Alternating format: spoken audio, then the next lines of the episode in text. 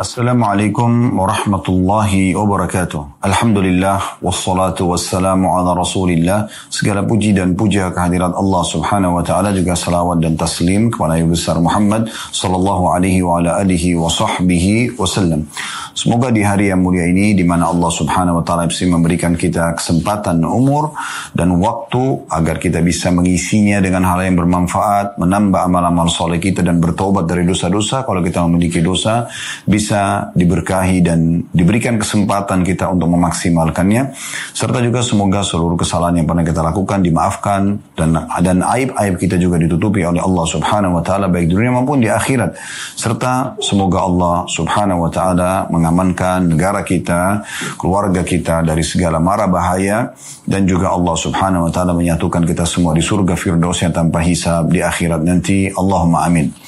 Kita akan melanjutkan teman-teman sekalian bedah buku kita seperti biasa di Rabu siang hari uh, bedah buku Riyadus Solihin tulis oleh Imam Nawawi rahimahullah dan kita akan masuk bab baru bab 94 masalah memuliakan tamu. Salah satu akhlak yang mulia dalam Islam adalah bagaimana seseorang muslim menjaga interaksinya yang baik sama manusia.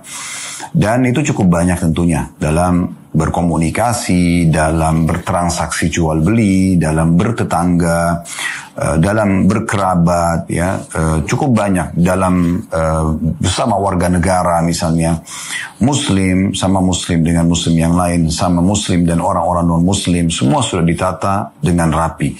Di antaranya adalah interaksi dengan orang-orang yang bertamu di rumah kita. Nanti kita akan bahas teman-teman sekalian dua sisi, yaitu bagaimana seseorang muslim selalu gembira dan menyambut tamunya dengan baik, dan bagaimana juga tentang masalah orang yang diundang oleh saudaranya yang lain sehingga dia menjadi tamu. Ini tentu masing-masing punya adab dan tata kerama yang harus kita fahami. Nah intinya sebenarnya adalah memuliakan tamu itu bagian daripada syariat Allah Subhanahu wa taala di mana Allah akan memberikan pahala yang melimpah dan besar. Kita akan coba dengarkan apa yang ditulis oleh Imam Nawawi rahimahullah dalam bab 94 ini bab memuliakan tamu. Beliau mengangkat dalil pertama surah Az-Zariyat ayat 24 sampai 27 yang berbunyi هل أتاك حديث ضيف إبراهيم المكرمين إذ دخلوا عليه فقالوا سلاما قال سلام قوم منكرون فراغ إلى أهله فجاء بعجل سمين فقربه إليهم قال ألا تأكلون Sudahkah sampai kepadamu hai Muhammad cerita tentang tamu Ibrahim dalam kurung para malaikat yang dimuliakan. Ingatlah ketika mereka masuk ke tempat Ibrahim lalu mengucapkan salam. Ibrahim pun menjawab, salam orang-orang yang tidak dikenal. Maka dia pun Ibrahim pergi dengan diam-diam menemui keluarganya, kemudian dibawanya daging anak sapi gemuk dalam kurung yang sudah dibakar, lalu dihidangkannya kepada mereka. Ibrahim lalu berkata, silahkan kalian makan. Ayat ini, teman-teman sekalian, menceritakan tentang seorang nabi yang mulia, tidak asing lagi namanya. Hampir seluruh manusia mengetahui tentang nama ini, Nabi Ibrahim alaihissalam, yang mendapatkan julukan Abul Anbiya, ayahnya seluruh nabi-nabi. Karena setelah Nabi Ibrahim alaihissalam yang datang menjadi nabi keturunannya. Ya, mulai dari Yakub, Ishak, Yakub, kemudian Yusuf, terus turun temurun ya dari keturunan uh, Nabi Yakub ini atau Nabi Ishak ya yang dikenal dengan nabi-nabi Bani Israel. Nama nabi Nabi Yakub adalah Israel. Kalau Israel itu di, dikenal dengan Bani Israel, keturunan Nabi Israel. Maksudnya Nabi Yakub alaihissalam. Maka Nabi Yakub memiliki keturunan nabi-nabi, gitu kan, sampai datangnya uh, Musa, uh, Daud, Sulaiman, Isa dan itu cukup banyak Ayub, Zakaria, Yahya. Ya, intinya ditutup dengan Nabi Isa alaihissalam dari turunan Nabi Yakub. Kemudian datang setelah itu dari keturunan yang lain Nabi Ibrahim alaihissalam, Nabi Ismail alaihissalam. Ini keturunannya yang terakhir adalah Nabi Muhammad sallallahu alaihi wasallam. Jadi semua ini adalah keturunan para nabi-nabi. Dan Nabi yang mulia ini, Nabi eh, Ibrahim AS dikenal dengan Nabi yang hanif, Nabi yang lurus sekali keyakinannya kepada Allah Subhanahu wa taala dan betul-betul sempurna dalam mengerjakan perintah-perintah agama sampai amalan-amalan beliau banyak dijadikan sebagai syariat untuk anak keturunannya nabi-nabi yang datang setelahnya. Kita tahu di saat kita sedang tawaf di Ka'bah, yang membangun Ka'bah, adalah Ibrahim dan Ismail alaihi wassalatu wassalam. Maka selama orang tawaf di sana, orang beribadah di sana dan sekarang seluruh umat Islam menghadap kiblat ke sana, maka Ibrahim alaihissalam dan anaknya Ismail alaihissalam panen pahala tersebut.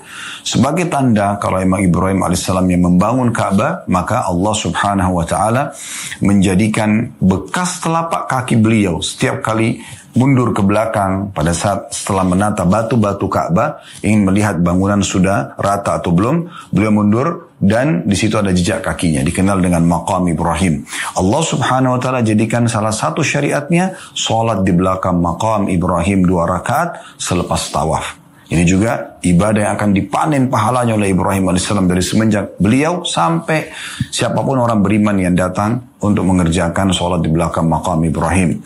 Begitu juga dengan uh, sa'i yang berjalan antara Safa dan Marwah di mana beliau meletakkan istrinya Hajar dan Ismail alaihissalam dan Hajar bolak-balik untuk mencari air. Tentu ini karena Ibrahim AS mengerjakan perintah Allah Subhanahu wa taala yang memerintahkan agar istri dan anak ditaruh di sana. Maka Ibrahim dan Hajar alaihissalam panen pahala semua orang yang sa'i. Ibrahim alaihissalam karena mengerjakan perintah Tuhannya yang menyuruh membawa istri anaknya ke sana dan juga ya Hajar yang berlari antara Safa dan Marwah untuk mencari air pada saat itu ya. Itu juga dengan sembelih ya di mana kita tahu di Idul Adha nanti sebentar lagi kita akan masuk insya Allah ada ibadah kurban. Maka itu juga kasusnya karena Ibrahim alaihissalam ya sempat mau menyembeli atau melihat dalam mimpinya sebagai wahyu dari Allah menyembeli anaknya Ismail alaihissalam dan beliau patuh. Dan Allah puji dalam Al-Quran bagaimana dia telah membenarkan mimpi yang datang kepadanya. Karena mimpi semua nabi-nabi adalah wahyu juga menjadi syariat penyembelian hewan. Dari masa itu berapa miliar hewan yang sudah disembeli dan akan terus disembeli di jalan Allah Subhanahu wa taala dan Ibrahim alaihissalam akan panen pahalanya. Dan sekian banyak keutamaan Nabi yang mulia ini di antaranya adalah beliau juga punya julukan lain Abu Dhifain atau ayahnya para penyambut tamu. Ya, beliau sangat suka sekali dengan tamu. Nah, disebutkan cirinya, ceritanya adalah di antaranya surah Az-Zariyat tadi ini. Bagaimana waktu Ibrahim alaihissalam kedatangan tamu, ya, dan tepatnya waktu itu malaikat-malaikat yang menjelma jadi manusia. Mereka diutus oleh Allah subhanahu wa ta'ala datang ke rumah Ibrahim alaihissalam untuk menyampaikan berita gembira kalau istrinya yang pertama, Sarah akan hamil pada saat itu dan melahirkan Ishak alaihi wassalatu wassalam. Dan juga sekaligus akan malaikat-malaikat ini akan diutus ke Eh, negeri di sebelah Palestina, tepatnya Jordania kalau kita sekarang, untuk menghancurkan kaum Lut. Nabi Lut adalah ponakannya Nabi Ibrahim alaihissalam yang juga menjadi nabi di lokasi dakwah yang berbeda. Ya, walaupun berseberangan cuma sebuah lembah antara Palestina dengan Jordania. Maka pada saat itu salah satu ciri yang disebutkan dalam Al-Quran dalam ayat surah Az-Zariyat ini Nabi Ibrahim alaihissalam tidak pakai tanya siapa mereka. Begitu bertamu mengucapkan salam saja, maka tanpa basa-basi lagi beliau langsung pulang uh, menuju ke belakang rumahnya uh, membakar daging sapi ya atau menyembeli sapi, kemudian membakarnya dan langsung menghidangkan buat tamunya walaupun belum dikenal. Walaupun belum dikenal, selama sudah masuk dalam rumah menjadi tamu, maka segera dihidangkan. Nah ini satu sifat yang luar biasa. Sampai disebutkan dalam sebuah asar yang pernah sampai kepada kami, yang kami pernah dapatkan, Ibrahim AS kalau dihidangkan makanan oleh istrinya, maka beliau tidak pernah makan sendirian. Beliau buka pintu rumahnya, lalu beliau panggil siapa saja yang ada lewat depan rumahnya untuk makan bersama beliau. Saking senangnya dengan tamu, ya. Subhanallah, kita bisa lihat ya, tamu ini tidak dikenal. Bagaimana dengan sebagian orang di antara kita semoga Allah berikan hidayah. Mungkin makanan itu kesukaan dia. Kemudian dimakan oleh anaknya. Dia bisa marah gara-gara anaknya makan misalnya. Padahal sebenarnya anaknya punya hak juga untuk makan gitu. Apalagi kalau masih kecil dia tidak mengerti misalnya. Ikhlaskan. Mungkin pasangannya yang makan. Berapa banyak suami yang marah sama istrinya hanya karena makanannya dimakan sama istrinya misalnya. Atau istrinya marah karena yang dia beli dimakan oleh suaminya misalnya. Ya, itu kan atau dimakan oleh saudaranya ya. Atau dimakan oleh pembantunya. Ikhlaskan kalau sudah dimakan. Berarti memang rezekinya dia. Ya, orang yang membiasakan diri untuk selalu berbagi dengan orang lain, ini akan membuat nanti akhirnya jiwanya itu sangat der, uh, sangat dermawan dan dia hanya selalu ingin berbagi dan tidak pernah merasa kehilangan apa pun kalau ada yang hilang darinya dari urusan dunia ini. Begitu yang terjadi pada kaum salafus saleh dulu. Para sahabat ridwanullah alaihim, kata Sa'id bin Musayyib rahimahullah menceritakan tentang keadaan mereka, aku telah bertemu dengan satu kaum, maksudnya para sahabat Nabi ridwanullah alaihim, yang mereka tidak pernah sama sekali merasa kerugi dengan hilangnya hal-hal yang berhubungan dengan urusan dunia ini. Jadi mereka tidak peduli. Selama itu adalah di jalan Allah, mereka akan berkorban. Dan bagaimana kaum Ansar, Ridwanullah alaihim disebutkan dalam surah Al-Hashr. Mereka sangat gembira menyambut saudara-saudara mereka muhajirin yang datang dari Mekah. Dan Allah mengatakan, yuhibbuna man hajara ilaihim. Ya. ولا يجدون في صدورهم حاجة مما أوتوا ويؤثرون على موسى ولو كان بهم خصاصة. Mereka sangat suka dengan orang yang hijrah, pendatang, pribumi sangat suka dengan para pendatang ini, ya. Dan mereka juga memuliakan orang-orang yang hijrah itu. Mereka tidak dapat dalam diri mereka merasa ah ini bukan ini pendatang, ini datang ke negeri kami, ini begini begitu tidak sama sekali. Ya. Dan mereka bahkan melebihkan, memaksakan diri untuk memberikan kepada para tamu-tamu mereka ini, pendatang-pendatang ini walaupun mereka butuh. Apakah Anda sudah tahu beberapa orang Ansar ya memhadiahkan bahkan memberikan rumahnya yang dekat dengan masjid Nabi SAW waktu itu menjadi daerah elit di Madinah karena ada masjid Nabi dan mereka tinggal di pinggiran kota Madinah. Itu luar biasa itu, ya. Itu luar biasa. Sampai beberapa orang muhajirin mengatakan ya Rasulullah, orang-orang Ansar telah pergi membawa pahala yang sangat banyak karena mereka luar biasa dalam berinfak baik yang sedikit ataupun yang besar mereka sama sekali tidak tidak perhitungan karena mulianya jiwanya. Nah orang yang seperti ini pasti punya efek-efek ya. Karena dia sangat dermawan, dia tidak akan emosional ya.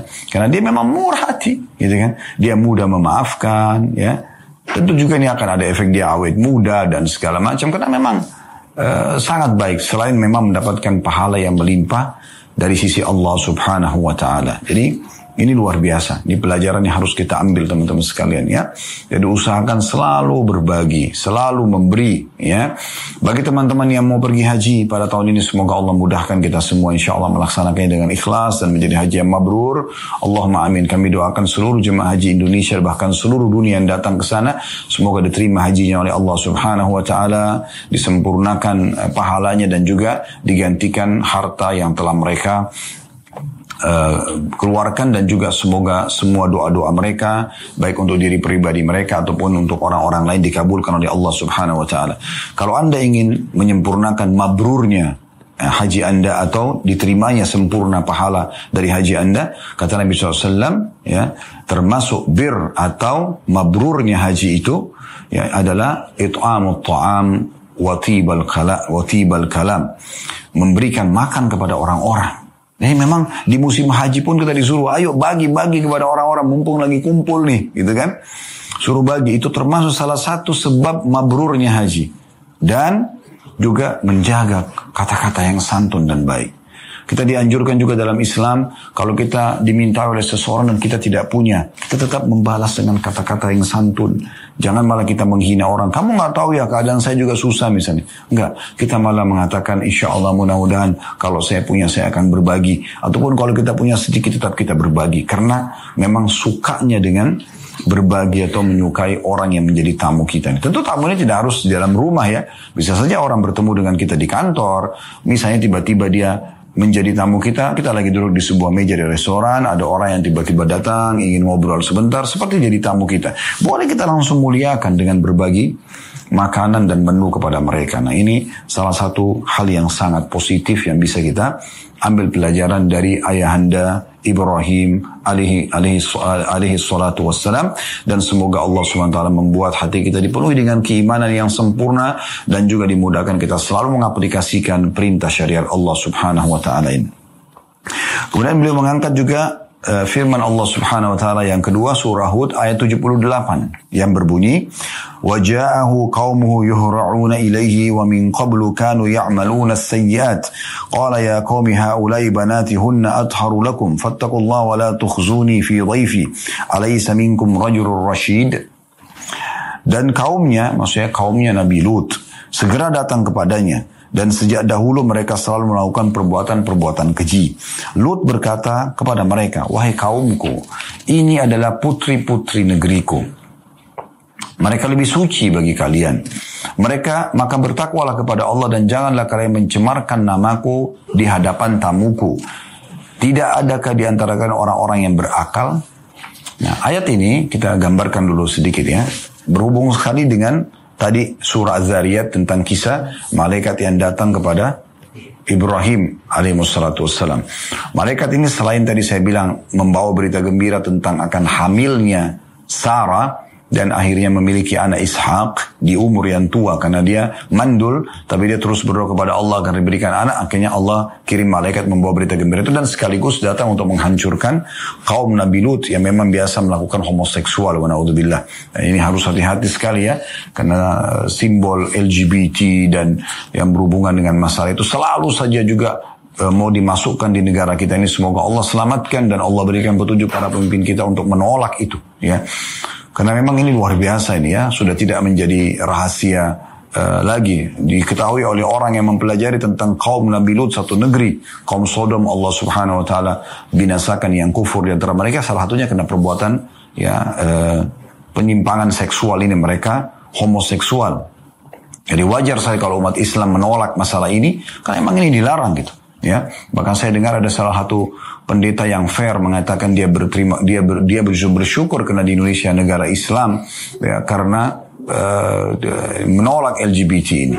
Ya bagaimana mereka pun sebenarnya masih berpegang pada Alkitab itu uh, yang murni mereka menolak sebenarnya. Tapi karena dilegalkan di negara-negara non Muslim, akhirnya terpaksa mereka harus nikahkan. Kalau tidak mereka kena ham. Dan ini berbahaya sekali.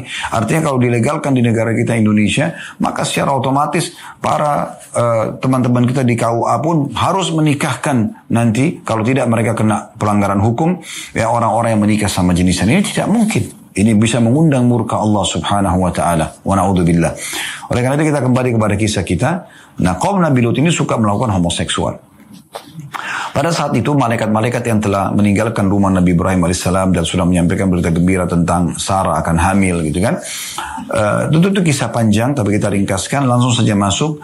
Mereka pun datang ke uh, negeri Nabi Lut menjelma menjadi manusia dan sangat tampan. Nah mereka-mereka kaum Lut ini suka sekali dengan kaum laki-laki. Maka mereka begitu tahu Nabi Lut datang, kedatangan tamu dan orang yang tampan-tampan, mereka segera datang ke rumah Nabi Lut alaihissalam. Maka Nabi Lut pun berkata kepada mereka, Wahai kaumku, bertakwalah kepada Allah, takut kepada Allah. Ya, ada dua hal peringatannya. Kenapa kalian tidak menikah dengan ya putri-putri negeriku ini? Maksudnya banyak anak perempuan di negeri ini yang itu secara alami Allah perintahkan kalian untuk menikahi mereka. Dan dengan biologis kalian akan dapatkan kenikmatan. Kalian akan dapat pahala dan akan dapat keturunan. Sesama jenis tidak mungkin kena murka Allah, tidak akan mungkin punya keturunan. Itu sudah peraturan dari Allah Subhanahu wa taala, tidak mungkin diubah. Tapi mereka tetap tidak mau. Ya, mereka tetap tidak mau dalam banyak beberapa ayat yang lain diceritakan mereka mengatakan hai Lut kamu kamu tahu apa yang kami suka. Maksudnya cuma mau laki-laki saja. Wa naudzubillah. Ya, ini bahaya sekali. Maka para malaikat itu pun menyampaikan kepada Nabi Lut alaihissalam kalau kami adalah utusan Allah mereka tidak akan mungkin menjangkau kami apalagi menjangkau ya. Dan mereka akan kami hukum uh, ada hukuman dari Allah SWT kata besok pagi maka selamatkanlah keluarga malam ini kecuali istrimu saja karena istrinya ikut-ikutan membantu kaumnya dalam pelaksanaan homoseksual itu. Wa baik Uh, pada saat itu Nabi Lut alaihissalam ini saksi bahasan kita juga berkata pada mereka ini hal yang kedua dari ayat ini adalah tamu-tamuku Artinya Allah memerintahkan tamu untuk dimuliakan. Jangan kalian ganggu tamu-tamu ini.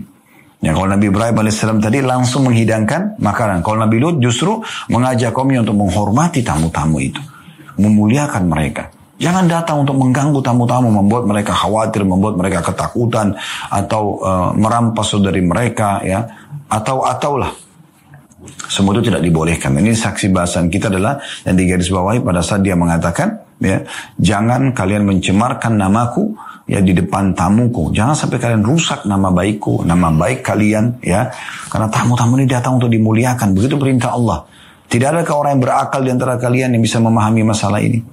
Ya ini pelajaran yang bisa kita ambil dari surah Hud ayat 78 ya Subhanallah kita dianjurkan dalam Islam agar setiap ada tamu datang, ada orang bel rumah, ada orang nanya sesuatu, jawab dengan santun, ya. tawarkan, persilahkan mungkin duduk di satu tempat kalau memang dia butuh untuk membicarakan sesuatu. Jadi kita bisa bisa menyelesaikan uh, permasalahan uh, apa bisa bisa meraih pahala dengan baik.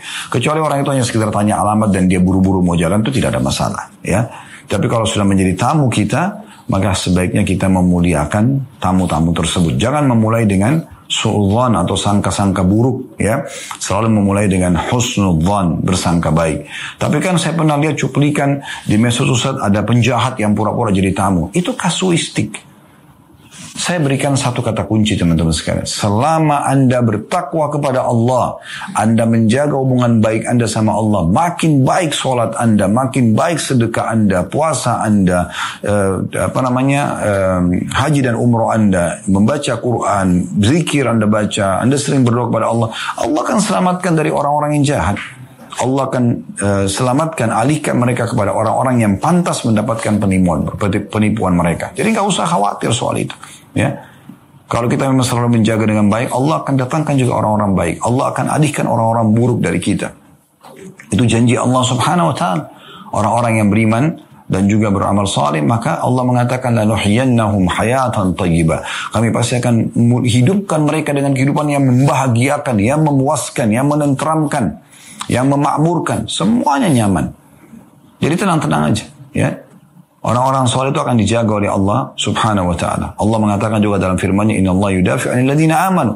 Allah akan membela orang-orang beriman itu. Ya.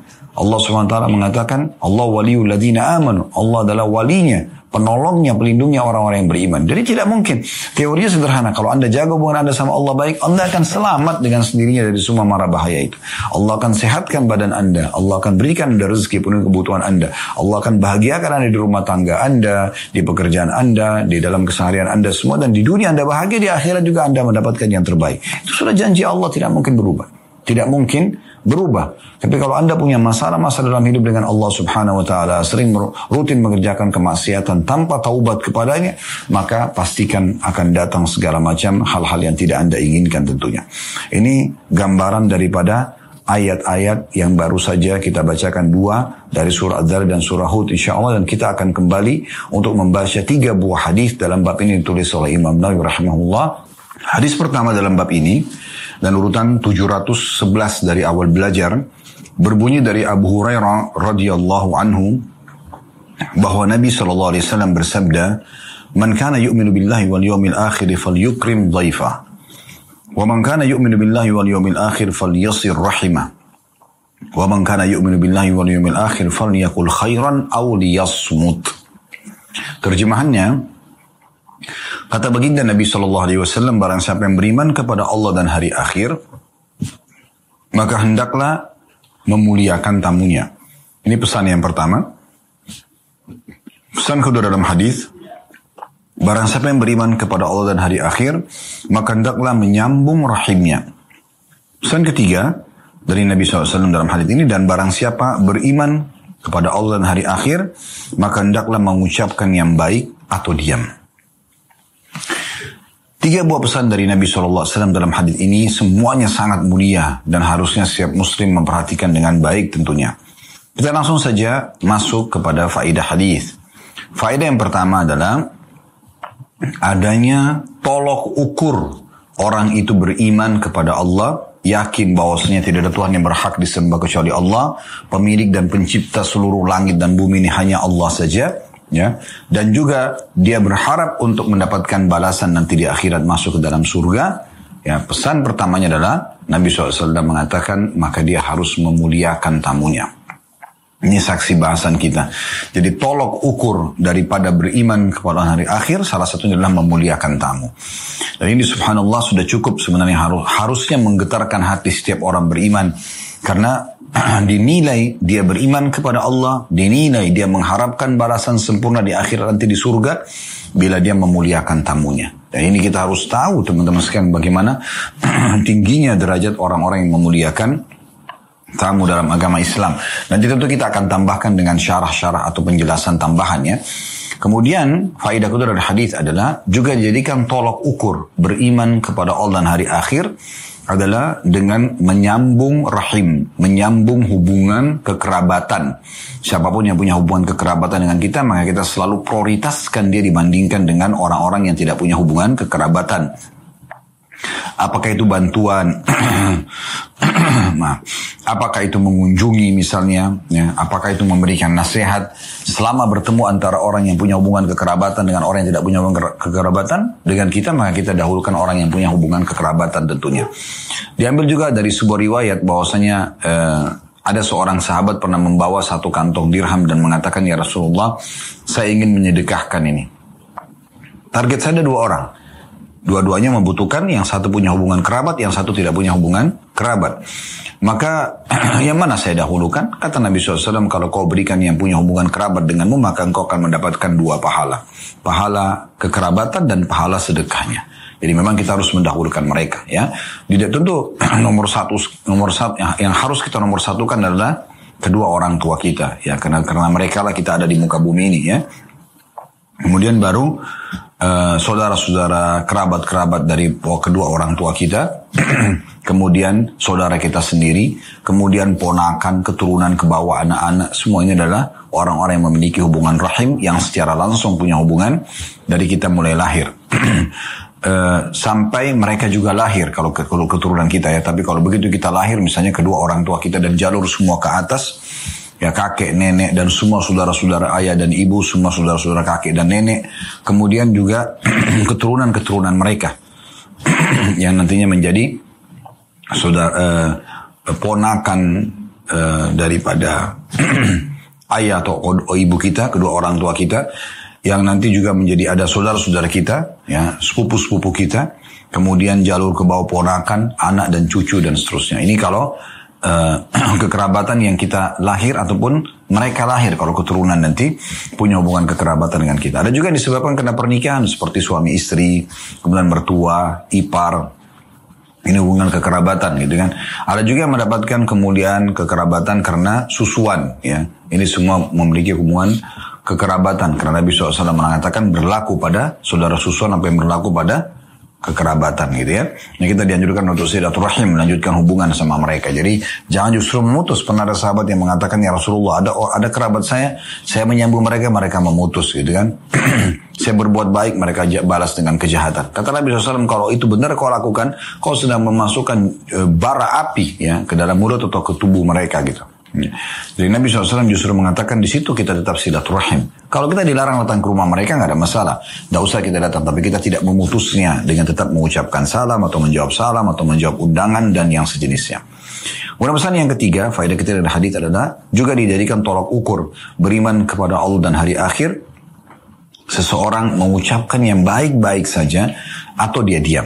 Dan ini merupakan ciri khas seorang muslim. Tidak ada kata-kata kasar kalau dari mulutnya, tidak ada hinaan, tidak ada cacian, tidak ada merendahkan, ya, tidak ada menyakiti, tapi yang ada adalah semuanya kata-kata yang baik, santun, sopan, ramah, gitu kan, yang membuat ini uh, menjadikan atau menambah keimanan dia dan kedudukannya di sisi Allah Subhanahu wa taala. Karena ini tolok ukur daripada beriman kepada hari akhir, gitu kan?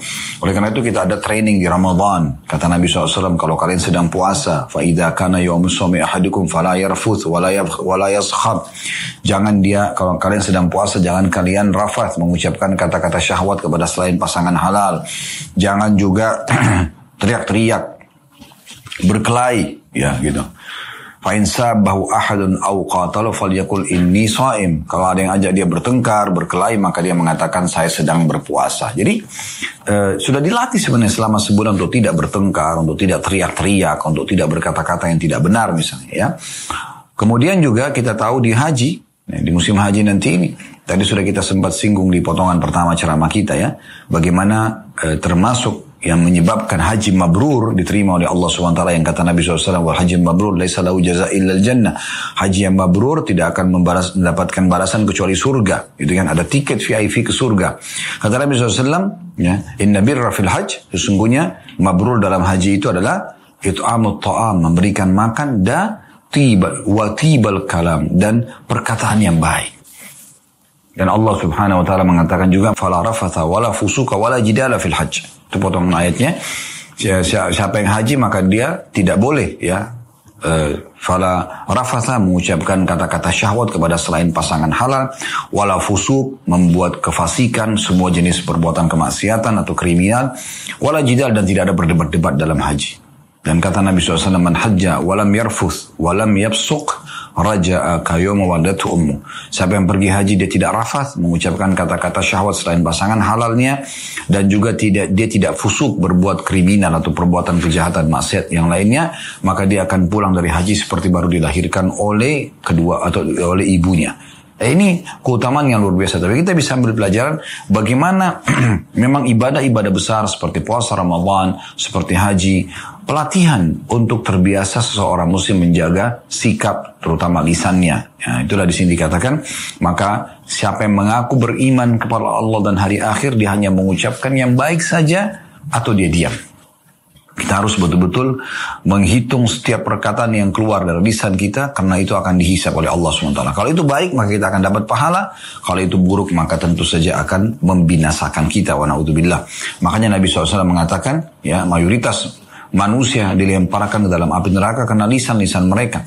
Maka kata uh, Mu'ad bin Jabar radhiyallahu ya Rasulullah, apakah kami akan dihisap oleh Allah dengan ucapan-ucapan dari lisan kami. Kata Nabi SAW, sungguh celaka hai Mu'ad kalau kau tidak mengetahui masalah itu. Nah, mayoritas ahli neraka justru dilempar dan neraka karena karena lisan mereka. Lisan ini bisa membawa seseorang ke dalam surga kalau dia berzikir, dia berdoa, mengucapkan kata-kata yang baik, ya, nasihat, e, mengajar misalnya, e, atau menanyakan kabar hal-hal yang mubah misalnya, ya, itu akan masuk ini membawa ke dalam surga atau dia caci maki, ya, giba, fitnah, menghina, teriak-teriak, berkelahi, bertengkar, maka ini akan membawanya ke dalam api neraka. Maka harus hati-hati. Ya ini dari hadis 711. Saksi bahasan kita adalah potongan pertama, maka dia harusnya menghormati tamunya. Hadis nomor 712. Dan ini hadis nomor 2 dalam bab ini tentunya. Ya, ada dua buah hadis di sini. Tadi saya keliru menyebutkan tiga hadis ya di awal. Mohon maaf. Ada dua hadis 711 dan 712. Hadis nomor 712 ini memang ada dua buah riwayat. Ya, sehingga tadi saya sempat katakan ada tiga buah hadis ya. Tapi secara nomor urut cuman dua buah hadis saja. 712 dari awal belajar berbunyi dari Abu Shurai Khuwailid bin Amr al-Khuzai radhiyallahu anhu beliau berkata saya mendengarkan Rasulullah sallallahu alaihi wasallam bersabda man man kana yu'minu billahi wal yawmil akhir falyukrim dhaifahu jaizatahu qalu wa ma jaizatuhu wa ma jaizatuhu ya Rasulullah? Qala yawmuhu wa lailatuhu wad diyafatu thalathatu ayyam. Fama kana wara'a dhalika fahuwa sadaqatun alaihi Barang siapa yang beriman kepada Allah dan hari akhir, hendaklah dia memuliakan tamunya dan memberikan haknya. Maka para sahabat bertanya, apa haknya ya Rasulullah? Kata Nabi SAW, sehari semalam. Dan perjamuan tamu bisa berjalan sampai tiga hari. Dan selebihnya adalah sedekah dari pemilik rumah atau tuan rumah kepada tamunya. Hadis ini riwayat Bukhari dan Muslim. Dalam satu riwayat Imam Muslim berbunyi, li muslimin an yuqima 'inda akhihi hatta yu'thimahu. Qalu ya Rasulullah wa kaifa yu'thimuhu? Qala yuqimu 'indahu wa la syai'a lahu yukrihi, yukrihi bihi. Tidak halal seorang muslim tinggal di tempat saudaranya sehingga membuatnya berdosa. Mereka bertanya, wahai Rasulullah, bagaimana dia bisa membuat pemilik rumah ini berdosa? Kata Nabi SAW, dia tinggal di rumah saudaranya, padahal dia tidak, pemilik rumah tidak memiliki hidangan yang bisa disuguhkan kepadanya. Ya, hadis ini riwayat Imam Muslim. Nah dari dua buah riwayat dalam satu nomor urut ini kita akan membahas panjang lebar tentang masalah ya adab-adab dalam mengundang atau melayani tamu dan adab-adab bertamu. Nah ini poin yang perlu insya Allah kita titik beratkan tentunya. Kalau dari hadis ini dulu sementara kita sudah bisa melihat pelajaran bahwasanya di antara adab ya, menjamu tamu. Kalau kita kedatangan tamu adalah kita memberikan haknya. Artinya boleh kita bahkan kita dianjurkan menawarkan kalau mau menginap sehari semalam. Ya. Kalau kita mau menghormati dia lebih jauh dia masih mau tinggal bisa sampai tiga hari. Ya ini berarti adab orang yang menjamu tamu. Dan sekaligus juga kita ambil adab yang menjadi tamu. Ya, dia usahakan pada saat menjadi tamu, ya, tidak melebihi hari-hari yang sudah ditentukan oleh Nabi Shallallahu Alaihi Wasallam. Kalau dia cuma punya hajat yang tidak harus menginap, maka tidak harus dia menginap di rumah saudaranya. Jangan, jangan sampai membebankan gitu kan. Tetapi dia ya datang sampaikan hajatnya dia silaturahim misalnya ya kepada kerabatnya atau dia melanjutkan uh, datang uh, untuk menjalin ukhuwah yang baik dengan saudaranya muslim misalnya ya setelah itu dia pulang setengah jam satu jam 15 menit misalnya. Kalau dia punya hajat boleh dia selesaikan. Itu pun dia harus tahu ya tentang kondisi pemilik rumah. Jangan sampai kondisi rumahnya tidak memungkinkan, dia juga waktunya tidak memungkinkan untuk menjamu tamu berlama-lama, lalu tetap kita paksakan dengan alasan kan dalam syariat harusnya menghormati tamu lebih dari uh, sehari semalam atau tiga, hampir tiga hari, bukan itu dalilnya, ya keliru anda meletakkan dalil kalau begitu. Tapi kita harus melihat kondisi dan bagaimana kondisi dan keadaan saudara kita tadi. Ya kita pun pemilik rumah tentunya, kalau memungkinkan kita jamu mereka, tapi kalau tidak memungkinkan kita juga bisa menyampaikan dengan baik-baik, ya. Oleh karena itu di hadis tadi yang kedua, Nabi SAW mengingatkan masalah ini. Jangan sampai kalian menjadi tamu di rumah saudara kalian dan kalian melahirkan dosa buat dia. Lalu para sahabat nanya ke ya Rasulullah, bagaimana kami bertamu kalau kami memberikan dosa kepada pemilik rumah? Kata Nabi SAW, kalian bertamu sementara dia tidak punya apa-apa yang dia bisa suguhkan. Sehingga jadi dia bisa berdosa dengan itu. Karena dia kan disuruh muliakan tamunya. Ya. Mungkin dia tidak punya tempat untuk anda nginap, tapi anda tetap ngotot mau nginap di rumahnya kan agak sulit. Jadi bagaimana, gitu kan? Jadi jangan juga bebankan pemilik rumah. Ini adabnya ya. Jadi adab yang dari hal ini dulu kita ambil, kalau kita letakkan sebagai adab yang pertama, bagi orang yang uh, mem, uh, memiliki tamu sebagai tuan rumah, maka dia seharusnya memuliakan semaksimal mungkin. Makanan, minuman yang dia tawarkan, dihidangkan apa yang dia miliki. Bahkan kalau anda mau lebih sempurna, tidak usah ditanya mau minum yang panas atau yang dingin. Udah, Anda buat yang Anda bisa, Anda buat teh hangat misalnya atau teh panas, Anda juga hidangkan minuman dingin, tinggal tamunya memilih. Itu jauh lebih baik. Tapi kalau Anda mau nanya juga tidak masalah. Misalnya, mau minuman dingin atau minuman panas misalnya. Boleh saja Anda tanya. Tapi kalau Anda keluarkan, saya pernah bertamu di rumah salah satu saudara kita muslim, Masya Allah. Di meja dia sudah ada banyak minuman-minuman opsi pilihan gitu. Bahkan ditambah lagi dikeluarkan minuman yang dia bisa hidangkan. Ya, ada memang yang sudah siap. Kalau kayak di Saudi itu biasanya minuman panas sudah ada di teh termos sehingga e, karena dia setiap hari memang punya tamu maka dia sudah standby kan itu ya. Sehingga selalu panas kan dalam termos dan tinggal dituangkan di gelas ya atau kopi misalnya ya dalam bentuk termos yang sudah ditutup. Mungkin ini belum belum biasa di negara kita ya. Ya kita biasanya nanti ada tamu baru kita buatkan. Kalau mereka memang sudah standby kan di ruang tamunya itu sehingga mereka setiap saat bisa minum dan selalu hangat karena di termos tertutup ya. Uh, kemudian juga selalu standby makanan-makanan ya. Kalau ini mungkin di Indonesia sudah ada kayak kue-kue biasanya. Cuma sayang kalau kalau mau lebaran aja ya. Sebenarnya sebenarnya kalau kita punya kemampuan kita letakkan saja di situ. Yang kita bisa berikan kepada mereka untuk kita hidangkan ya untuk kita hidangkan gitu kan. Kalau kita lihat dia adalah pendatang dari luar kita bisa luar kota atau misalnya apalagi kalau kerabat persilahkan kalau kita memungkinkan ada tempat untuk menginap ya daripada mereka ke hotel misalnya ya. Tapi kalau tidak memungkinkan boleh tentunya kita tidak memaksakan diri. Nah ini pemilik rumah nah. Dan mereka bisa memberikan sehari semalam atau sampai tiga hari. Kalau selebihnya itu sudah sedekah dari pemilik rumah nah, tapi sisi lain tamu ini juga harus tahu diri gitu Jangan sampai dia memaksakan diri untuk bertamu ke rumah orang, sementara orang itu tidak bisa menerima tamu. Misal kondisi dia sedang bertengkar suami istri. Tidak mungkin kita bertamu ke rumah orang seperti ini kan. Kemudian juga mungkin rumahnya kecil, anak-anaknya banyak. Ya. Mungkin keadaan ekonomi dia sangat susah, sehingga kita tidak mungkin untuk bertamu ke rumahnya dalam arti kata berlama-lama di sini. Kalau kita cuma sekedar ketemu, ya, dan kita memang dikatakan ayo silakan mampir ke rumah. Untuk sebagai bentuk menjawab undangan dia kita datang. Itu mungkin masih oke okay saja ya. Tapi jangan sampai kita memaksakan diri ke rumah orang. Akhirnya tuan rumahnya merasa terganggu dengan kita memaksakan diri bertamu kepada dia. Nah ini adab yang harus diperhatikan tentunya. Baik kita akan tambahkan dengan beberapa adab yang lainnya yang harus diperhatikan oleh pertama dulu tuan rumah. Ya bagi tuan rumah ini, usahakan tentunya kalaupun dia mengundang orang ke dalam rumahnya, maka yang dia undang adalah orang-orang yang baik.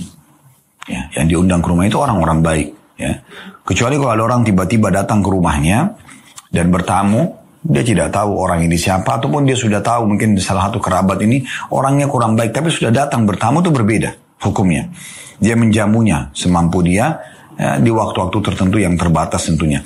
Tapi kalau dia memang ingin mendapatkan keutamaan agar mendapat pahala tamu, dia mengundang orang-orang yang baik. Karena kata Nabi SAW dalam hadis riwayat Abu Dawud dan Tirmidzi, la tusahibu illa mu'mina.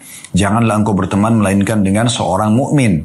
Wala ya'kulu ta'amaka illa taqi dan jangan memakan makananmu kecuali orang-orang yang bertakwa, ya. Karena memang dia sifatnya ya uh, demi untuk mendukung dia ya dalam uh, kebaikan beramal solehnya kalau dia kita berikan makanan misalnya. Tapi ini kalau kita ingin mengundang ya, kalau kita ingin mengundang gitu ya, kita usahakan undangan itu tersasar kepada orang-orang yang baik gitu.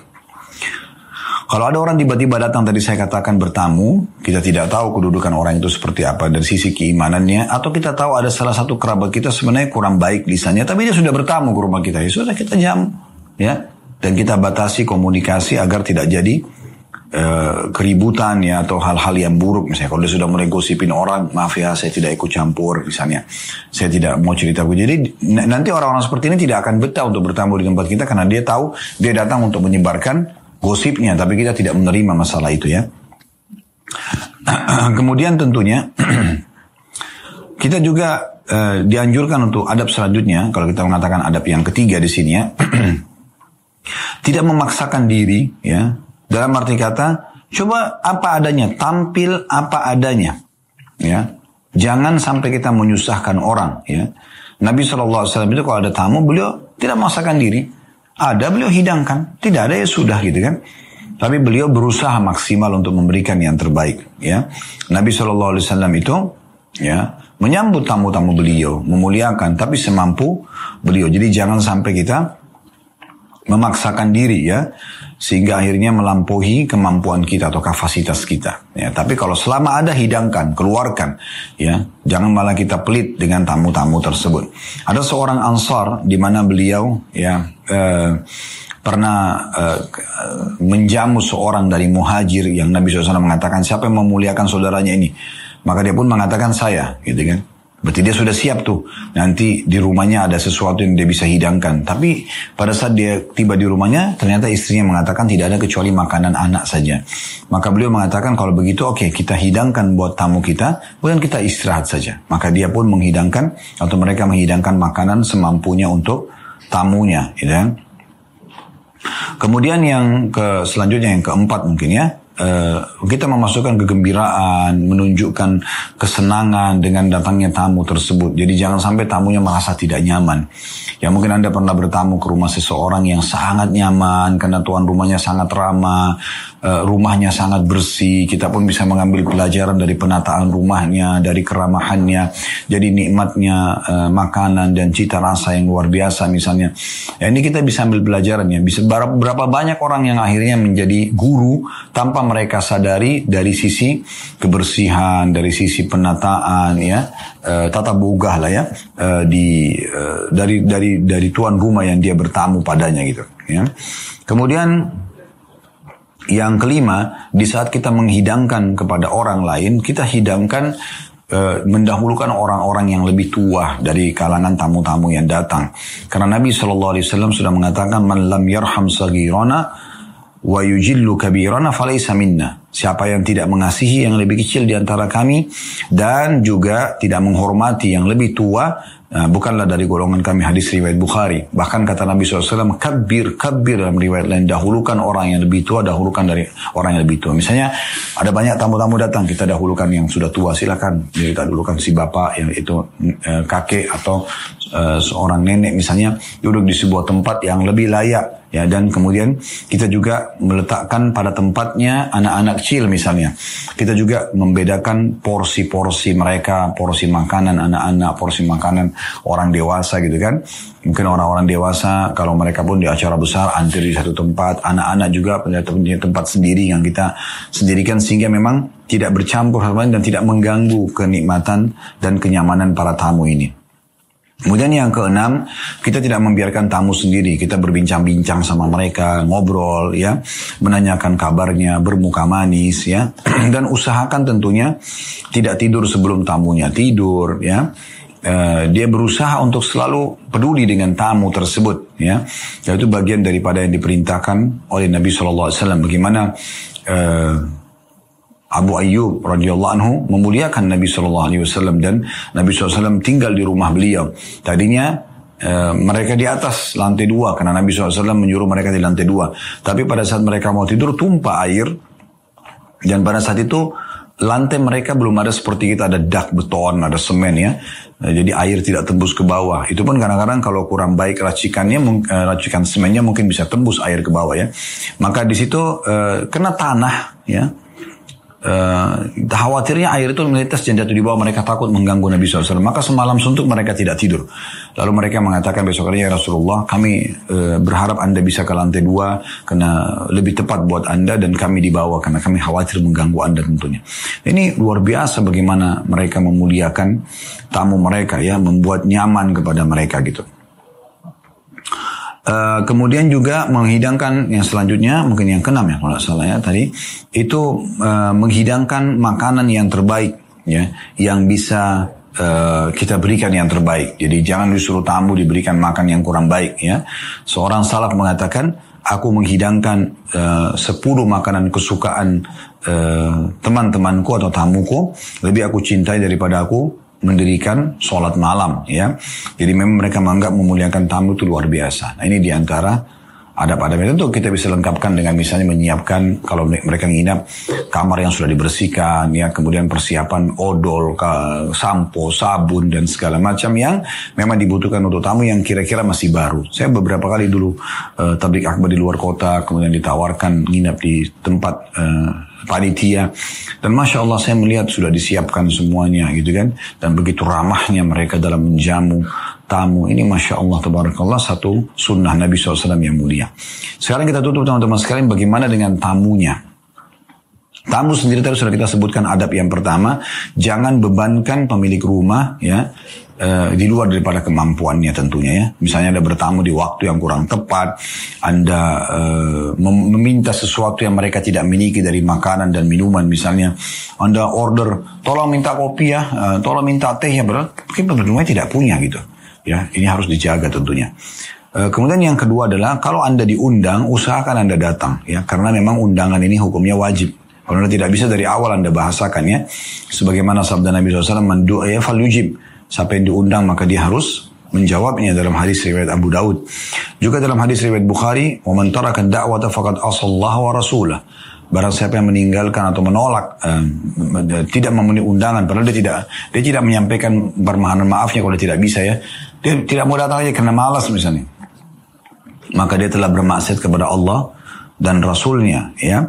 Kemudian yang ketiga ya, hendaklah dia tidak memilah-milah ya yang dia datangi. Misalnya ah karena ini orang kaya aja deh. Uh, orang miskin tidak pernah didatangin. Maka ini jangan terjadi ya. Usahakan dia mendatangi orang kaya dan orang miskin ya. Kalau dia mau bertamu gitu. Yang ketiga yang keempat hendaklah tentunya ya dia datang karena niat baik ya. Karena niat ingin menjalankan perintah Allah dan Rasulnya menjadi tamu di situ ya. Karena kita kan disuruh juga untuk bertamu ke rumah orang-orang beriman misalnya ya. E, kemudian e, juga kita usahakan e, pada saat itu datang menyampaikan hajat kita kalaupun ada hajat dan tidak usah berlama-lama. Di saat memang tidak dibutuhkan gitu ya. Mungkin ada orang, mungkin dia sangat sibuk, dia nggak bisa menjamu tamu lebih daripada waktu yang yang apa namanya, uh, yang anda sudah gunakan sekarang. Ya kalau Anda merasa sudah menyampaikan hajat Anda, sudah selesai silaturahimnya, maka Anda pamit saja pulang. Ya, kecuali memang dia mengatakan sudahlah tinggal aja di sini misalnya tolong duduklah apa. Memang dia sebagai tuan rumah ingin sekali anda di situ maka anda tidak masalah bertamu di situ ya. Sama juga dengan adab selanjutnya kalau anda diberikan satu fasilitas ini mungkin adab yang keempat atau yang kelima ya. Uh, anda uh, usahakan menerima fasilitas itu Misalnya Anda diberikan satu jenis kamar, ini kamar istirahat. Jangan Anda bilang, boleh nggak saya cek uh, kamar-kamar semua di rumah ini. Mungkin yang mana saya cocok saya pilih. Itu melanggar adab dan tata kerama ya. Jadi Anda, uh, apa namanya, menikmati fasilitas yang dikasih. Jadi ini ada makan dan minuman, ini cemilan misalnya disiapkan, udah cukup. Jangan anda uh, tuan rumah tidak ada anda keluar, anda masuk ke dapur, anda buka sendiri kulkas, anda main makan apa yang sebenarnya yang uh, belum diizinkan oleh pemilik rumah ini semua melanggar adab-adabnya tentunya ya. Kemudian selanjutnya juga yang keenam, ya jangan melirik-lirik, jangan memata-matai ya apa-apa yang ada dalam rumah ya, melirik kamar, memata-matai misalnya mencari tahu tentang apa rumah ini diam-diam gitu kan. Ada orang begitu kan karena dia mau cari tahu semua tentang kondisi rumah tersebut. Berbeda kalau Anda yang diajak oleh pemilik rumah lalu dia jelaskan ini kamar tidur. Ada orang begitu karena dia suka ya, ini kamar anak, ini sekian lantai rumahnya, dia jelasin, itu berbeda. Tapi kalau Anda sendiri, Anda tunggu kesempatan tuan rumahnya lagi istirahat, Lalu Anda menyelonong masuk sana sini, maka ini jangan jaga adabnya. Ya, anda sudah dimuliakan menjadi tamu pada saat itu. Ya. Kemudian selanjutnya yang ketujuh adalah usahakan. Kalau Anda bisa, Anda membawa hadiah ya untuk tuan rumahnya. Walaupun sedikit misalnya sambil bertamu, Anda uh, anda menjalankan sunnah Nabi SAW, tahadu tahabu, saling memberikan hadiah, karena akan saling mencintai. Jadi dengan memberikan hadiah, kita secara otomatis nanti akan lebih membuka hati tuan rumah untuk menyambut kita. ya. Walaupun itu sesuai dengan kemampuan tentunya. Dan umumnya hadiah itu tentu disukai oleh uh, apa namanya orang-orang ya umumnya gitu ya. Kemudian selanjutnya yang ke delapan Anda doakan pemilik rumah tersebut. Kalau seandainya uh, dia sudah hidangkan makanan, dia sudah sambut dengan baik, kita bisa bilang jazakallahu khairan ya. Semoga Allah balas Anda dengan kebaikan. Perempuan jazakillahu khairan misalnya. Kita juga bisa menjalankan membaca sunnah Nabi SAW hadis riwayat Abu Daud. Beliau pada saat mencicipi makan membaca aftara indakumus imun. Semoga orang-orang yang puasa telah berbuka buka puasa di samping di sisi kalian wa akala ta'amukumul abrar dan makanan kalian telah dimakan oleh orang-orang yang baik baik.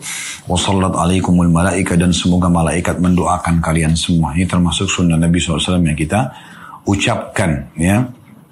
Kemudian juga uh, ada doa yang lain Allahumma at'im man at'amani wa asqi man saqani Ya Allah berikanlah makan orang yang telah memberikan aku makan dan berilah minum orang yang telah memberikan aku minum uh, itu riwayat Imam Muslim dan juga riwayat Imam Muslim yang lain Allah maghfir lahum warhamhum wa barik lahum fima razaqtahum ya Allah ampunilah dosa-dosa mereka ini maksudnya pemilik rumah atau orang yang telah memuliakan kita kasihanilah mereka dan berkahilah rezeki mereka ya ini termasuk adab-adab yang harus dijaga tentunya bagi orang-orang yang bertamu. Allahu alam. Baik ini bahasan kita teman-teman sekalian. Insya Allah ke depannya kita akan Lanjutkan bab 95, bab anjuran memberi kabar gembira dan ucapan selamat kepada orang yang mendapatkan kebaikan. Ini akan kita bahas insya Allah nanti di pertemuan akan datang. Saya selalu mengajak teman-teman untuk mendukung channel dakwah ini. Kita jadikan sebagai ajang pahala buat kita semua. Teman-teman di YouTube selalu subscribe, like, dan juga loncengnya supaya Anda dapat selalu ya informasi baru dari kami. Dan dukung semua channel juga yang bergerak di dakwah, menyebarkan agama Allah, sunnah-sunnah Nabi SAW di YouTube. Teman-teman di Instagram, di Facebook selalu follow. Begitu juga teman-teman di TikTok mungkin ya. Anda bisa menggunakan media ini untuk uh, meraih pahala bersama para pemateri tentunya dan teman-teman tim yang sudah bergabung. Tentu kalau ada benar dari Allah Subhanahu wa taala, wala sadar saya mohon dimaafkan. Subhanakallahumma bihamdika asyhadu an la ilaha illa anta astaghfiruka wa atubu ilaik. Wassalamualaikum warahmatullahi wabarakatuh.